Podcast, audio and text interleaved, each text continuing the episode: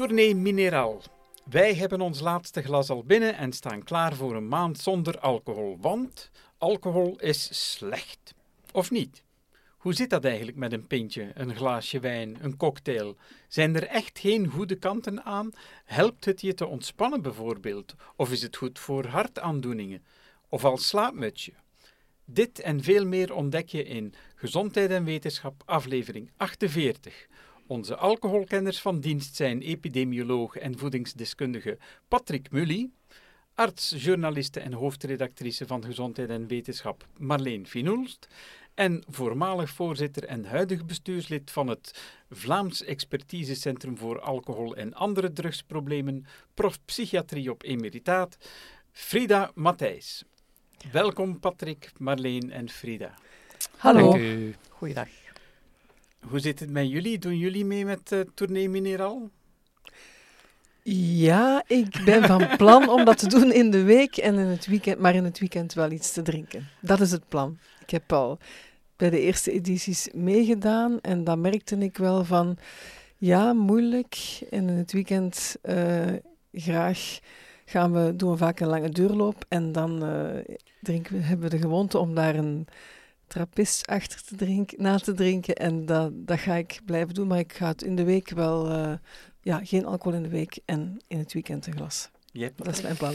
Ik doe niet specifiek mee, want ik ben al jaren een matige drinker, drie, vier glazen per week. En ik denk niet dat dat veel gaat veranderen. Dus nee, maar niet uit principe, gewoon omdat ik eigenlijk misschien daar geen, geen uh, echt voordeel in zie. En jij, Frida? Voor mij is het een beetje hetzelfde. Ik heb jaren wel meegedaan, maar nu is alcohol eigenlijk iets wat er niet meer zo gemakkelijk bij hoort. En dan denk ik, ja, als het dan Valentijn is, waarom zou ik dan niet iets drinken? ah ja, valt dat in de week? ja, ja, ja. Oei. Spek voor u, Marleen. Ja, en het is een extra moeilijke dit jaar, hè, want het is een maand van 29 dagen. Ook al. Is dat eigenlijk een goed idee, zo'n tournee mineraal, zo'n maand lang niet drinken? Ik denk het wel. Enfin, het is ook wat ik zie bij mensen, niet zozeer bij mensen die echt heel veel drinken, want die lachen dat doet dan ook weg. Maar ik zie dat voor veel mensen een wake-up call is van um, ja, ik wil toch wel eens kijken of ik het kan. Ja. Uh, en wat het doet, uh, of het mij lukt en of ik uh, inderdaad niet te veel drink, want ze zijn er dan ook een beetje meer mee bezig. Ja, ja, ja. ja. Ik kan dat beamen. Ik ben iemand die gemakkelijk een glas drinken na een drukke werkdag. Of ik begin te koken en ik schenk mij een aperitiefje in. En dat is een maand waar ik uh, vanaf de eerste editie van Tournee Mineraal heb ik echt wel meegedaan. En dan merkte ik van, oh, ik, heb, ik ben wel, dat is zo'n gewoonte geworden, dat glas wijn bij het eten. En om dan gewoon iets anders te nemen, bijvoorbeeld ginger ale of, of, of. Ik heb ook zo een paar combinaties, crodino met pompelmoessap. En dan merk ik van, voel me dat, dat, dat lukt even goed. Waarom doe ik dat eigenlijk? Dus het heeft mij zeker doen nadenken van, hola, dat kan, zonder dat je het weet, zit je in bepaalde gewoonten en ben je wat gaan drinken. Dus voor mijzelf heeft uh, Tournee Mineraal zeker wel een gunstige invloed op nadenken en dan merken van, ah, ik slaap precies ook een beetje beter en alle positieve kanten die erbij komen kijken. En jij, Patrick? Ik denk dat het een goed idee is, maar dat hangt een beetje af van uw doelstelling. Hè. Zoals daarnet gezegd, als uw doelambitie is van zware alcoholproblemen aan te pakken in de maatschappij, dan gaat die tournee mineraal totaal nutteloos zijn. Als het is om matige, kleine, beperkte drinkers bewuster te maken dat het ook bij minder kan, zonder kan, of toch bewust worden van het bestaan van alcohol, dan denk ik dat dat een zeer, zeer goed initiatief is. Maar ik denk dat we toch meer zouden moeten inzetten om die echte zware alcoholproblemen, want daar liggen natuurlijk de grootste problemen. Ja. Ik denk dat dat aan de ene kant waar is. Anderzijds zien we dat heel veel mensen eigenlijk meer drinken dan goed is, zonder dat, zonder dat ze het beseffen. En Ja. dat zijn de mensen die we hiermee bereiken. Het is bovendien veel populairder dan we bij VAD zelf gedacht hadden. Het is in Ja. 2017 de eerste keer geweest en toen werd gemikt op zo'n 15.000 deelnemers. Het waren er bijna tien keer zoveel. Daar was ineens enorm veel belangstelling voor. En in, in België blijft dat, in andere landen gaat men het nu zo wat gebruiken als tool om mensen die te veel drinken, zoals Patrick zegt, om te, uh, die aan te moedigen van probeer eens om een maand niet te drinken. Maar bij ons blijft dat eigenlijk toch zo het uh, ja, sensibiliseren. Ja. Blijft belangrijk. Want uiteindelijk, zo de um, lichte en matige drinkers, dat is toch altijd de grote groep van de bevolking. Als we kijken naar cijfers van Cienzano, gaat dat rond een 80 procent. Uh, dan denk ik, ja, het is goed. Ik denk, nu persoonlijk is het goed om daar eens bij stil te staan. Maar ik merk ook wel dat sommige mensen nogal erg. Dat het soms wat culpabiliserend werkt voor mensen die denken van oei, ik, eh, ik heb deze week elf glazen gedronken en dat mag niet. Ik heb nu een groter risico op kanker. Dat is niet helemaal de fout van de campagne, dat is natuurlijk nee. ook de fout van de pers die natuurlijk alcohol en, en die, die, die, zoekt sensatie in de extreme natuurlijk. Hè. Alcohol, grote boedoener, uh, vlees is een catastrofe, iedereen moet vegetarisch eten. En dikwijls ligt daar het antwoord niet. Ligt, het antwoord ligt dikwijls in matig gebruik. Mm -hmm. En de richtlijn van uh, tien glazen, die er ja. uh, nu een paar jaar is, is eigenlijk ook niet zeggen van het mag nee. niet, maar is wat mensen wel vragen, geef mij een houvast. Uh, ja. en, en onder de tien glazen per week is er uh, eigenlijk niet veel gezondheidsrisico, tenzij je andere gezondheidsproblemen hebt, is de boodschap. Was de boodschap, want ondertussen. Ja, daar is nog discussie over, maar ik denk niet dat dat eens drastisch gaat veranderen. Ik ben ook lid van de Hoge Gezondheidsraad. Ik vind dat zo'n richtlijn, daar is één factor die ook belangrijk is, dat is de geloofwaardigheid. Je zou kunnen gaan zeggen, nul alcohol is het gezondste. Ja, inderdaad, maar je verkoopt het overal. Dus je moet toch ergens geloofwaardig blijven voor de bevolking. Ja, inderdaad, daar zitten we ook aan een moeilijk punt. De reclame natuurlijk, hè, voor alcohol, ja. waar toch al wel vraag is al lang om daar iets aan te doen. Uh, de roken is ook verdwenen uit, uit de reclame, maar voor alcohol lukt dat precies moeilijker. Dat is veel moeilijker. En we weten voor uh, producten die verslavend zijn, hetzelfde voor tabak in, uh, in der tijd en eigenlijk nu nog, uh, is dat reclameverbod een, een goede tool is om te zorgen dat er minder gerookt en dus ook minder gedronken zou worden. Maar we zitten nu eenmaal met een industrie, met een enorm lobbymachine, ja. die ervoor zorgt dat een striktere regelgeving er eigenlijk niet doorkomt. Ja, en bovendien, Natuurlijk is, mogen we alcohol ook niet helemaal vergelijken met roken, want af en toe een glas is ook, kan ook geen kwaad. Hè. Integendeel, soms zijn er ook wel misschien wat gezondheidsvoordelen, al is dat moeilijk. Eh, allee, durven we dat bijna niet meer uitspreken, maar toch is er wel wetenschappelijk onderzoek over dat we zeggen van toch wat minder hart- en vaatziekten uh, bij lichte drinkers. Dat eh, onderzoek wordt hoe langer hoe meer in vraag gesteld en eigenlijk blijkt, allee, er zijn daar rond, ik heb het nagekeken, 13.000 studies daarover, die allemaal, of ongeveer allemaal, rechtstreeks of uh, onrechtstreeks gesponsord zijn door de industrie. De industrie heeft enorm uh, ingezet op het uh, imago van alcohol, want dat is het uiteindelijk. want soms denk ik, waarom moeten we daar nu zoveel over bezig zijn? Of het niet gezond is om toch wat te drinken, alsof we dat zouden moeten aanbevelen. Inderdaad, en die sponsoring door de industrie historisch heeft dat ook een grote rol gespeeld. Ik denk aan rode wijn gezonder dan bier in de jaren negentig. En dan dat waren de Franse wijnboeren die natuurlijk zorgden voor eh, de sponsoring van die studies en die er goed uitkwamen. Want wie dronk rode wijn? Dat was die dat wat rijker was, socio-economisch krachtiger, machtiger, dan de bierdrinker die dan veel bier dronk op korte tijd. Er is een soort studie dat mij nog altijd intrigeert en dat niet gesponsord is, dat is eigenlijk studies over de mediterrane voeding, waar dat je toch ziet dat er minder uh, kankers zijn, minder hart- en vaatziekten en zeer frequent 1 tot 2 glazen alcohol per dag. Dus ik, ik, blijf toch nog altijd een beetje op mijn honger zitten en ik vrees dat een aantal van die uh, waarnemende studies leiden aan wat men noemt residual confounding. Dat wil zeggen dat het gedrag van de alcoholdrinker het resultaat kan beïnvloeden. Ik geef een voorbeeld, iemand die 10 pinten per dag drinkt, ja, die gaat s'avonds niet gaan joggen, die zal waarschijnlijk minder fruit en groente gaan eten, die zal waarschijnlijk roken en zo verder en zo verder. En dat is natuurlijk een zeer sterke storende factor, dat je minder hebt in de mediterrane voeding, omdat je daar een totaal voedingspatroon gaat, gaat uh, vergelijken. Ja, dat is eigenlijk een factor die men ook in de in andere landen ziet dat diegenen die matig drinken, enkele glazen per week, meestal ook diegenen zijn die uh, voor de rest een gezondere levenswijze ja. hebben. En mensen die veel drinken hebben dat inderdaad niet. En wat mij ook opgevallen is, is uh, die vergelijkende studies waarbij er minder uh, hartinfarcten zouden zijn uh, als bij mensen die een beetje drinken. Die zijn niet in alle regio's hetzelfde. In India bijvoorbeeld ja. is dat er helemaal niet. Ziet men dat niet. En in landen waar er veel hartinfarcten voorkomen, ziet men dat wel. Dus waarschijnlijk spelen juist die andere factoren daar. dat wanneer veel mensen ongezond leven, dan is die ja. groep springt er juist uit. Het komt erop neer dat het zeer, zeer moeilijk is om één element te gaan isoleren en dan te gaan kijken wat het geeft. En dat is, dat is het reductionisme, wat wij mm. noemen. Daar wordt vandaag de dag enorm veel gedaan. En ja. Bananen en, en, en kanker en, en, en broccoli en borstkanker en zo verder. Dat is absurd. Dat komt in de pers, maar dat is compleet absurd. Ja, en dat daar drukken we heel vaak op bij gezondheid en wetenschap. Van haal daar niet één product uit van broccoli is de gezondste groente enzovoort. Geldt misschien ook voor alcohol dan, denk ik. Mhm. En ook alcohol en kanker. Van één glas, o jee, uw risico op borstkanker vergroot. Ik word daar ook wel soms lastig over, want het maakt toch wel wat... Geeft vrouwen met borstkanker toch soms ook wel een schuldgevoel. Mhm.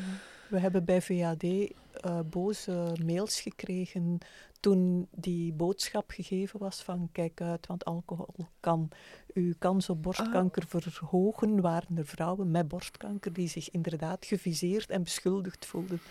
Okay. Alsof het een eigen schuld was. Iets wat we rond kanker al zo lang proberen tegen te spreken. Ja. Dus dat is een boodschap waar VAD eigenlijk niet achter staat van let op, één glas verhoogt jouw risico op kanker. Ik denk dat het algemener moet. Ik, ik denk dat als er onderzoek is, mag dat uiteraard uh, publiek gemaakt worden. Maar de boodschap die je geeft moet toch wel genuanceerder zijn. ik denk de enige zekerheid dat je hebt, dat is overdrijven, is niet goed. Dat, daar mogen zeker van zijn. 5, 6, 7, 8 pinten per dag, dat is ongezond. Punt, amen en uit. Die zekerheid hebben. Ja, en, en natuurlijk het, is wel, het klopt ook wel dat één, ik heb de studies bekeken, van één glas verhoogt het risico op borstkanker, maar dat gaat dan over een risicostijging van 2,3 naar 2,5 procent boven de 50 jaar. Allee, zo van die absolute cijfers geeft men er dan niet bij, men zegt 10 procent meer risico. Ja. Maar als je dat in absolute cijfers bekijkt, dan is dat eigenlijk, dan stelt dat niks voor. En dan denk ik, zeg ik, vergelijk het eens met andere leefstijlfactoren, met uh, overgewicht, met niet bewegen, met roken. Allee, dan, dan, dan men, kan niet goed omgaan met, met risicoperceptie. Hè. Dat is heel, zo worden boodschappen in de media. Je kan ze sturen eigenlijk hoe je wil. Het zal niet alleen over alcohol zijn. Nee, dat is niet alleen over alcohol. Natuurlijk. Daar niet. Maar inderdaad, ja. bang maken heeft helemaal geen zin. Nu, anderzijds, um, de boodschap geven van het kan allemaal geen kwaad, is ook niet wat we moeten zeggen. Want dat is niet waar. Dat ja. klopt. Dus dat, Volledig ja. akkoord. Ja. Mm -hmm. Jullie, bij, bij VAD is verslaving natuurlijk ook wel een hele belangrijke. Hè? Hoe, uh, ja, u, zei het al direct van een aantal mensen. Het is een wake-up call. Zo die ja. tournee mineraal voor veel mensen die, uh, die daar een gewoonte van maken en die zich op de grens begeven van afhankelijkheid. Of dat is een groot, groot risico. Wel, alcohol is nu eenmaal een product waar je verslaafd kan aan geraken. Ik denk dat, dat dat ook wel belangrijk is om zich dat te realiseren. Maar niet iedereen even erg, dat zien we ook. Er zijn mensen die veel drinken en er eigenlijk niet verslaafd aan zijn. En er zijn mensen die er al op jonge leeftijd vrij snel geen maat kunnen houden en controle verliezen. En dat is wel belangrijk. En eens men um, lichamelijk afhankelijk is, ja, dan is het al heel ernstig. Maar er, tevoren is er vaak ook al een, een psychische afhankelijkheid. En, en dat is uh, wel iets om in het oog te houden. Nu, naast die afhankelijkheid heb je natuurlijk ook de gewoontevorming, wat je beschrijft van ik uh, kom thuis en ik neem al een glaasje terwijl ik in de keuken sta en zo. Dat zijn eigenlijk geen gezonde gewoontes en daar vind ik Tournee Mineraal wel helpend om dat je mensen ertoe aanzet om zich af te vragen: is dat eigenlijk wat ik wil? Of doe ik dat alleen maar omdat ik dan eenmaal gewoon ben? Ja, het ontspant natuurlijk wel, hè? Dat is zo dan ook. Wellicht zoals met een sigaret opsteken ook, hè? Nu, we hadden het daar net al over leeftijd. Uh, we haalden dat aan. Dat is ook iets wij in België bier drinken kan vanaf 16. Daar zijn we een van de weinige landen nog die dat toelaten. Hè? Dat is dat heeft waarschijnlijk met onze alcoholindustrie te maken, die mm tegenhoudt. Er zijn nog landen in Duitsland ook, maar die hebben ook een serieuze bierindustrie. Uh, daar kan je ook bier drinken vanaf uh, eh, 16, bier en wijn, en sterke drank vanaf 18. In Nederland is dat veranderd. Uh, in veel landen is dat eigenlijk. Uh, is het belangrijk om die leeftijdsgrens naar 18 te brengen? Ik denk het wel. We hebben gezien toen de leeftijdsgrens naar 16 gebracht is, wat uh, ook in begin de jaren 2000 ah. gebeurd is. Um, dan, en, voor, en, voorheen was het uh, voorheen geen, was, er geen, geen leeftijdsgrens. Ja, ah ja, op de eerste oh, communie voilà. kreeg je glas. Natuurlijk. op de plechtige communie. Op de plechtige. ah, het is al te lang geleden, mijn excuses. Maar goed, maar inderdaad, maar kinderen, kinderen dronken mee, er was tafelbier. Um, ja. ik denk dat iedereen dat meegemaakt heeft. Maar door het... Uh, stellen van die grens van 16 hebben we gezien waar dat tevoren uh, kinderen van 12 al gemakkelijk dronken, hun eerste glas hadden, dat dat opgeschoven is naar uh, 14, 15. Uiteraard proberen uh, jongeren altijd wat vroeger om de grenzen af te tasten. Dus als je dan naar 18 helemaal zou zetten, kan je verwachten dat dat weer wat opschuift naar 16, 17, wat beter zou zijn. Ja. Daar ben ik ook wel voorstander van, van, die, van die 18 jaar. Maar je opmerking is ook wel interessant. In veel studies maakt men geen onderscheid tussen alcoholische dranken. Dat wordt dikwijls genomen als een groep. Terwijl voor mij als voedingsdeskundige is er een groot verschil tussen bijvoorbeeld bier en, en sterke dranken, waar alcohol in veel minder water opgelost is. Mhm. Waar dat je ook een volumeprobleem gaat krijgen als je daar veel van drinkt. Je gaat overgeven met bier. En ik denk dat daar toch ook wel in de toekomst toch meer aandacht zou moeten gaan naar uh, het karakteriseren van een drank zelf en niet als homogeen homogene groep zien. Niet in die leeftijdsgrens. Ik ben voor 18, punt aan en uit. Niet voor 18. Is, is bier gezonder dan uh, sterke drank? Het is anders gemaakt. Uiteraard. Er zitten wat vitaminen in, toch? Ja, zeer weinig. Maar ik, ik, denk dat je een volumeprobleem gaat hebben. Ik denk, als je, als je, ah ja, als je echt overmatig gaat drinken. Maar ja, je kunt, je kunt vijf whiskies drinken, je gaat niet overgeven. Maar je kunt vijf pinten, zeven pinten, dan begint je maag toch al serieus vol te geraken. En loop je het risico dat je gaat overgeven. Maar als je nu normaal drinkt, bijvoorbeeld uh, twee pintjes, of je drinkt... Uh, twee whiskies. Dat gaat hetzelfde hoeveelheid alcohol zijn als een standaard Dat maakt dat geen verschil voor de gezondheid. Die trappisten, uh, dat weet ik eigenlijk nog niet, omdat uh, bijvoorbeeld slokdarmkanker, alcohol in bier is opgelost in veel meer water. En je weet eigenlijk niet of die rechtstreekse werking ook dezelfde is als met sterke prikkelen. We weten bijvoorbeeld Calvados, dat is een streek met enorm veel keel- en slokdarmkanker, maar daar wordt ook gerookt. Het is, het is enorm moeilijk. Het is moeilijk om het uit elkaar te halen, inderdaad. Ja. Mhm. Ehm, jullie hadden het net over het verschil tussen bier en uh, wijnen en dergelijke. Maar ik vroeg mij af, nu met Tournee Mineral die eraan komt, ik ben van plan om eens extra veel aandacht te schenken aan alcoholvrije bieren. Ah, ja. Is, is dat interessant?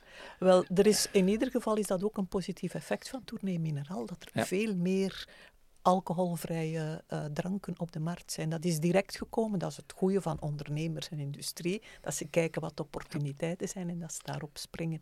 En ik heb mij laten wijsmaken dat het alcoholvrije bier ondertussen even lekker is als het uh, bier met alcohol. Bij wijn lijkt het niet zo goed te lukken. Nee, nee dat is... Uh... Heb je er al geprobeerd, Fran? Alcoholvrije bieren? Moet je geen merken noemen natuurlijk. Jawel, ik heb er al een aantal geprobeerd en ik vind dat echt uh, heel lekker. Ja. En ja, er zijn er steeds die steeds beter zijn. Hè? Ja, ja, ja, ja, echt wel. En ik, ik ben eens van plan om eens allemaal uit te testen. Je hebt een maand Goed idee. Goed idee. Maar ook, ook, ook daar zocht de pers naar sensatie, hè? want dan hadden ze meer suiker gevonden in alcoholvrij bier. En dan was dat natuurlijk een heel drama, want ook suiker is een enorm gif in onze maatschappij, zo gezegd voor de pers. Uiteindelijk zit daar sporen suiker in, er zitten pak minder calorieën in, er zit minder alcohol in. Dus je kunt niet zeggen dat dat een gezonde drank is, verre van. Er zit veel, veel minder suiker in dan bijvoorbeeld in frisdranken, gesuikerde frisdranken. Ja, je zegt nu voor de pers, maar eigenlijk is het, uh, zit daar een uh, lobby achter, denk ik, hè, die, dat, die die studies pusht voor die eh, dat is een plaag de dag van vandaag. Hè. Al universiteiten duwen hun onderzoekers naar zoeken naar fondsen en middelen en geld. En dan verlies je je, geloofwaardigheid. Je, hebt, je zit met een conflict of interesse. Dat is zo voor voeding, maar dat is ook zo voor andere sectoren. je gaat geld zoeken, maar dan zit je met een bedrijf op je kop. Ja, dat is helaas zo. dat is een probleem dat we al vaker hebben aangekaart. Ik wou nog even terugkomen op dat ontspannende, omdat ik denk van dat is zeer herkenbaar uh, voor veel mensen. Je beschrijft van als je een stressvolle dag hebt en je komt thuis en je drinkt iets, ontspan je. Maar we zien ook dat mensen die sociaal angstig zijn bijvoorbeeld, als die naar een receptie of een bijeenkomst moeten gaan, dan gaan die al op voorhand wat drinken om te ontspannen, om zelfzekerder te zijn. En als ze op die receptie zijn, en dat is ook zeer opvallend, ehm, dan gaat dat wat beter. En in het begin op zo'n uh, receptie zie je dat, of hoor je eigenlijk mensen gedempt met elkaar praten. En naarmate er meer alcohol gedronken wordt, uh, worden ze allemaal luidruchtiger, praten luider, lachen luider en hebben veel plezier met hun eigen grappen, die niet eens helemaal grappig zijn. En dat is een, heel typisch effect van alcohol. Dat is ook een van de redenen waarom het zo populair is. Het, maakt dat mensen losser zijn, zeker uh, als ze feesten. Daar hoort alcohol bij en dan zijn mensen inderdaad wat ontremder. Ja, zo'n recepties heb ik zeker al meegedaan. Zou dat moeten doen voor een podcast? dus dat indrinken, dat is niet eens uit de studententijd of van de jongere generatie, maar dus er zijn ook wel volwassenen die zich indrinken voor een receptie. Dat is er zeker. Ah, ja. nu, bij jongeren is het erbij gekomen, ook voor een deel... Um, de kosten. ja. ja. De prijs en, en, zeker in de clubs en zo. Ja. Mm -hmm. Maar dus alcohol drinken, pardon, omwille van angst en stress, dat is, uh, dat is toch niet iets dat we aanraden? Dat is geen goed idee. Eigenlijk gebruik je alcohol dan als een soort geneesmiddel, als medicijn. En, en dat is gevaarlijk. Hè. Ook hetzelfde met pijn. Alcohol is ook een ja. sterke pijnstiller. Ik heb ooit iemand geweten die zeer dronken uh, van haar barkruk gevallen was en naar de spoed kwam. En dat we maar Sandernachts gezien hebben dat hij een gebroken voet had. Die was al lopend uh, stappend binnengekomen en kloeg over niets. Dus veel drinken is een pijnstiller. Nu, dat is wat we niet, wat we niet zoveel uh, meemaken. Maar chronische pijnpatiënten, um, die hebben ook al snel ondervonden dat we alcohol drinken uh, de pijn vermindert. Daar is ook onderzoek rond en dat blijkt ook te kloppen. En dat is natuurlijk riskant als mensen dat als medicijn gaan gebruiken. Ja, dat is een gevaarlijke om te vertellen. Inderdaad. En zo als slaapmutsje, want soms denk ik wel mensen die iedere dag een, of, of s'avonds een, een slaappil nemen om in te slapen, dan, en dan hoor ik soms wel af en toe eens een huisarts zeggen van uh, drink, uh, drink een goed glas wijn en laat dat pilletje achterwege. Dan denk ik, ja, ik hoop dat huisartsen dat niet meer zeggen. Inderdaad. Mhm. Ik kan zo aan mijn slaapwatch uh, zien wanneer dat ik alcohol gedronken heb, omdat je misschien zevenveel uren slaapt, maar de kwaliteit is veel, veel ah, lager, je hebt een, veel Je hebt een app die jouw slaap volgt. Ik heb een app die, mens, die mij volgt, overal. Onder andere mijn slaap. Ah ja, kijk eens aan. En ik kan het zo uitpikken die dagen dat ik, uh, dan heb ik een slaappercentage kwaliteit van rond de 40%, omdat je minder diepe slaap hebt. Je hebt wel je aantal uren, hè, pas op, en je valt snel in slaap. Ik vind ook als je dan s'nachts wakker wordt, dat je langer wakker blijft, een beetje stress, excitatiegevoel. Mm -hmm. Maar uh, ik geloof niet in uh, slaap of beter slapen met nee, alcohol. Nee, als je alcohol wil drinken s'avonds, is het best om dat de laatste vier uur voor het gaan slapen. Dan is de alcohol verwerkt en dan heeft die geen invloed niet meer. Want dat is ook typisch bij mensen die, die dan wat meer drinken. Ze drinken en ze vallen in slaap, maar gegarandeerd worden ze wakker. En als het echte alcoholisten zijn, dan gaan ze nog iets drinken om opnieuw te kunnen slapen. Dus dan zit je echt in een vicieuze cirkel. Oké, dus vier uur voor het slapen gaan, dan ben ik nog aan het werken, denk ik. Nee, dat, dat, klopt wel, want als ik met mijn avondeten een beetje alcohol drink, heb ik daar minder last van. Mhm. Maar als ik nadien, tijdens het kijken naar tv, rond 9 uur of 10 uur s'avonds alcohol drink, heb ik daar wel veel meer last ah, van. kijk eens aan. Ja. Mhm. Oké. Mhm. En die app, heb je die al gefactcheckt? dat moet nog komen. en als men u s morgens vraagt, heb je goed geslapen, dan zeg je, ik zal even kijken. Uiteraard. ik geef nooit een antwoord zonder uh, mijn advocaat en mijn app. Ik dacht zonder uw vrouw. Dat is mijn advocaat. Oké. Kortom, ons panel is alvast fan van Tournee Mineral. Te veel alcohol is nooit een goed idee, maar een enkel pintje af en toe kan zeker geen kwaad, behalve deze maand dus. Alweer een heel leerrijk half uur. Dankjewel Patrick, Marleen en Frida.